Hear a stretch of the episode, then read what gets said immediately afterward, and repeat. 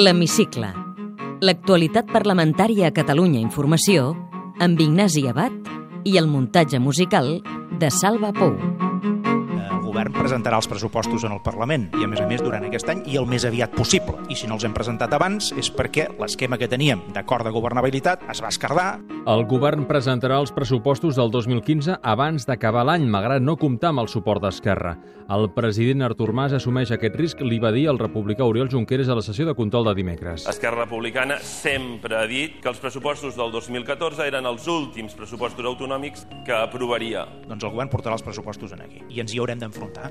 El govern el primer i els grups parlamentaris, doncs, eh, poc o molt també. Constatant el nou escenari, el socialista Miquel Iceta s'ofereix al president i aquest l'emplaça a sumar-se al nou en alternatiu. Potser si els vol presentar amb una mínima seguretat de que trobaran un marc de discussió, potser que en comencéssim a parlar abans que sigui tard. Per què en el punt que estem no se sumen vostès en aquest procés participatiu? Si vostès hi són, segur que de tota la resta és molt més fàcil parlar-ne. Al mateix ple, el conseller d'Economia ha donat a entendre que els nous comptes poden imputar com a ingressos deutes de l'Estat amb Catalunya. Andreu Mascolell responia així a una interpel·lació de Convergència. seran uns pressupostos que, entre altres coses, tindran la funció de deixar molt clars quins són els punts amb els quals nosaltres reclamem recursos que se'ns deu. i que seran necessaris per poder confeccionar uns pressupostos amb aquest eh, 0,7% més aviat absurd.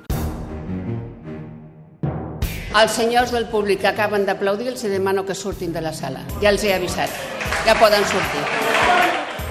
La imatge més impactant de la setmana al Parlament és la d'un home fent una salutació feixista a l'hemicicle des dels seients del públic. L'incident es va produir quan la presidenta del Parlament el va expulsar de la sala juntament amb cinc persones més després d'haver-lo cridat a l'ordre dues vegades perquè aplaudia massa fort. La mesa li ha prohibit l'entrada de forma indefinida. Núria de Gispert. Una d'aquestes persones va fer una salutació feixista, que després, a més, s'ha comprovat clarament que era així i no, com ell deia, una manera de despedir-se de la presidenta que l'havia tret de l'hemicicle. Aquest fet és molt greu. Hem de ser tots curosos i no admetre situacions com la d'ahir. L'individu expulsat el va convidar al Partit Popular. És membre d'una plataforma espanyolista i aplaudia les crítiques de Ciutadans i el PP al govern pel paper dels funcionaris de la Generalitat en el 9-N. Carlos Carrizosa i María José García Cuevas acusaven la vicepresidenta Joana Ortega de coaccionar els directors dels centres educatius. Impartan ustedes instrucciones por escrito y de esta forma los funcionarios no serán utilizados como si fueran esclavos de la antigua Roma en manos de sus dueños. Vostès només tenen un argument, que és el de la por, i és el del desconeixement, i és el de la mentira. ¿Puede usted confirmar o desmentir aquí en sede parlamentaria que la Generalitat no ha enviado ninguna instrucción por escrito porque pretende que todo esto se realice bajo la responsabilidad personal de los directores? He demanat abans que no s'aplaudeixi des del públic. Passa alguna cosa ara? No ho han sentit abans, eh? Doncs callin, si plau. La diputada popular que va convidar aquesta persona, María José García Cuevas, va condemnar el gest feixista l'endemà d'aquesta manera. Nosotros condenamos cualquier manifestación fascista allá donde se produzca. Y por esto precisamente no admitimos ninguna lección de estos partidos que callan ante los ataques que son fascistas, violentos e intolerantes a la sede de Ciudadanos o del Partido Popular en toda Cataluña.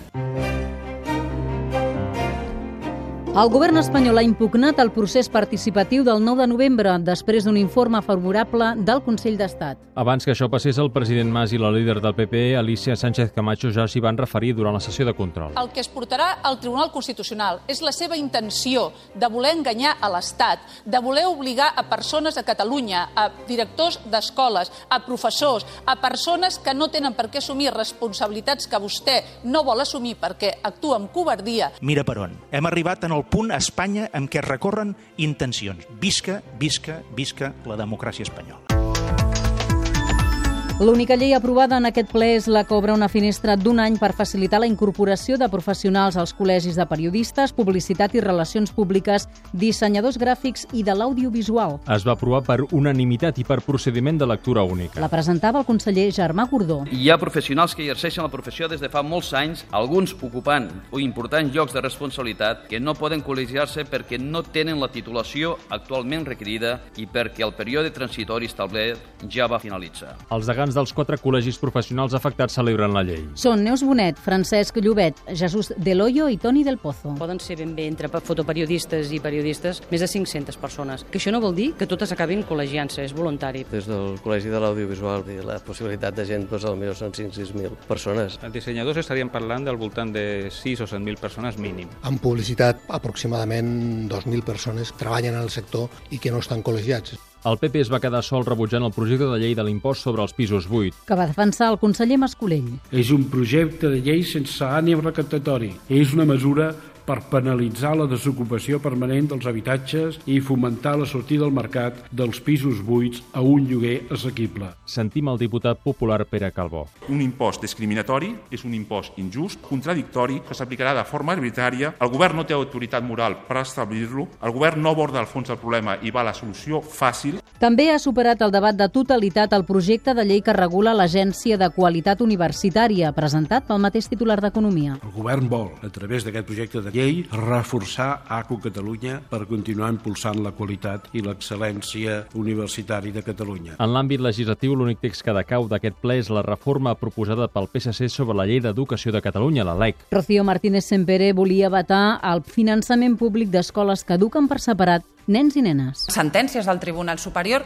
ens donaven la raó que era important reforçar aquest principi, canviar coeducació per escolarització mixta, perquè, insisteixo, no sostinguem amb fons públics la discriminació per raó de gènere. El diputat de Convergència i Unió, Roger Montanyola, que suposava el text com el PP, retreia a Esquerra que votés a favor de la llei del PSC. Quan mesos abans s'havia abstingut en una llei molt similar d'iniciativa. No acabem d'entendre el cas d'Esquerra Republicana que vota la LEC. L'any passat s'absté en una proposició de caire similar, presentada per iniciativa, i avui vota directament en contra. No ho acabem d'entendre. De les mocions aprovades en aquest ple en destaca una d'Esquerra sobre la creació de la comarca del Moianès. L'alcalde de Moià, el diputat republicà Dionís Guiteres, va pactar amb el convergent Lluís Coromines que avança. De final d'any el govern convocarà una consulta als municipis afectats i després portarà una llei per crear aquesta comarca i la del Lluçanès. Nosaltres no ens neguem una consulta, al contrari. Nosaltres el que li diem, fem la consulta d'aquí tres setmanes. Ens comprometem tots que, si així ho volen els ciutadans del Moianès i el Lluçanès, eh, el mes següent presentarem la llei per tirar endavant, en lectura única, la creació de les dues comarques, o una o l'altra. També s'ha aprovat una moció del PSC que insta el govern a crear una comissió de seguiment dels acords del ple sobre la pobresa i aprovar un nou decret sobre pobresa energètica. Una altra moció d'iniciativa avalada per tots els grups insta el govern a aturar la licitació del projecte d'un banc de dades amb historials clínics per a usos investigadors i científics. I una moció de Ciutadans aprovada també al ple demana al govern espanyol que gestioni millor la crisi de l'Ebola i rebutja les declaracions del conseller de Sanitat de Madrid sobre l'auxiliar contagiada pel virus.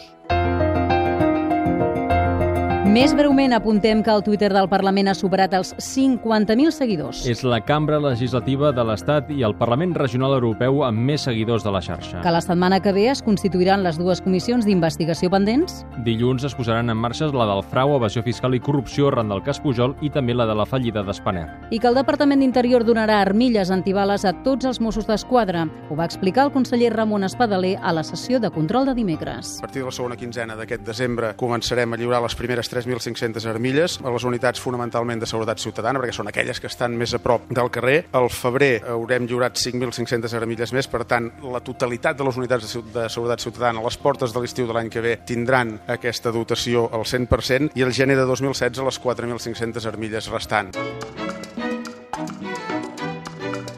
Té la paraula. Salvador Milà, diputat d'Iniciativa per Catalunya Verds, Esquerra Unida Alternativa.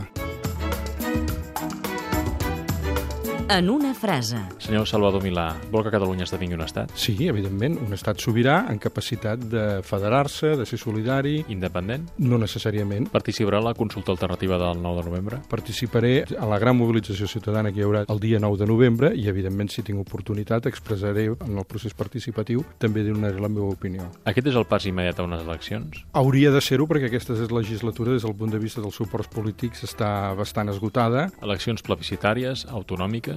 No, no, eleccions per definir un nou escenari polític a Catalunya i un nou programa econòmic, social i nacional. Plebiscits són referèndums i consultes. Quan? Abans de les municipals. Una reforma constitucional pot ajudar a l'encaix de Catalunya a l'estat espanyol? Per ser sobirana a Catalunya necessita que la Constitució espanyola passi per una modificació substancial. Quina opinió en té del rei Felip VI? Crec que ha de ser l'últim rei d'Espanya en aquest moment i passar a una república. Quin sentiment té cap a l'expresident Pujol? Jo el conec personalment i crec que m'ha enganyat, per tant, decebut de la seva actuació. Ha cobrat o pagat vostè en negre mai? No. Posaria la mà al foc que ningú al seu partit ha comès mai cap irregularitat? Si no s'és una secta, no pots estar al damunt de la vida privada de ningú. El que dic és que ningú que hi hagi iniciativa eh, ha, ha estat aquest partit pensant que aquí es pot fer ric. Percep símptomes de recuperació econòmica? No, al revés. Quins estudis té? Soc llicenciat en dret. De què ha treballat abans de fer de diputat? D'advocat sempre. De petit ja li agradava fer discursos? No, el que sí que m'interessava és tot el que em passava al voltant. I jo, i jo de petit dic, el, quan vivia al meu barri a Mataró,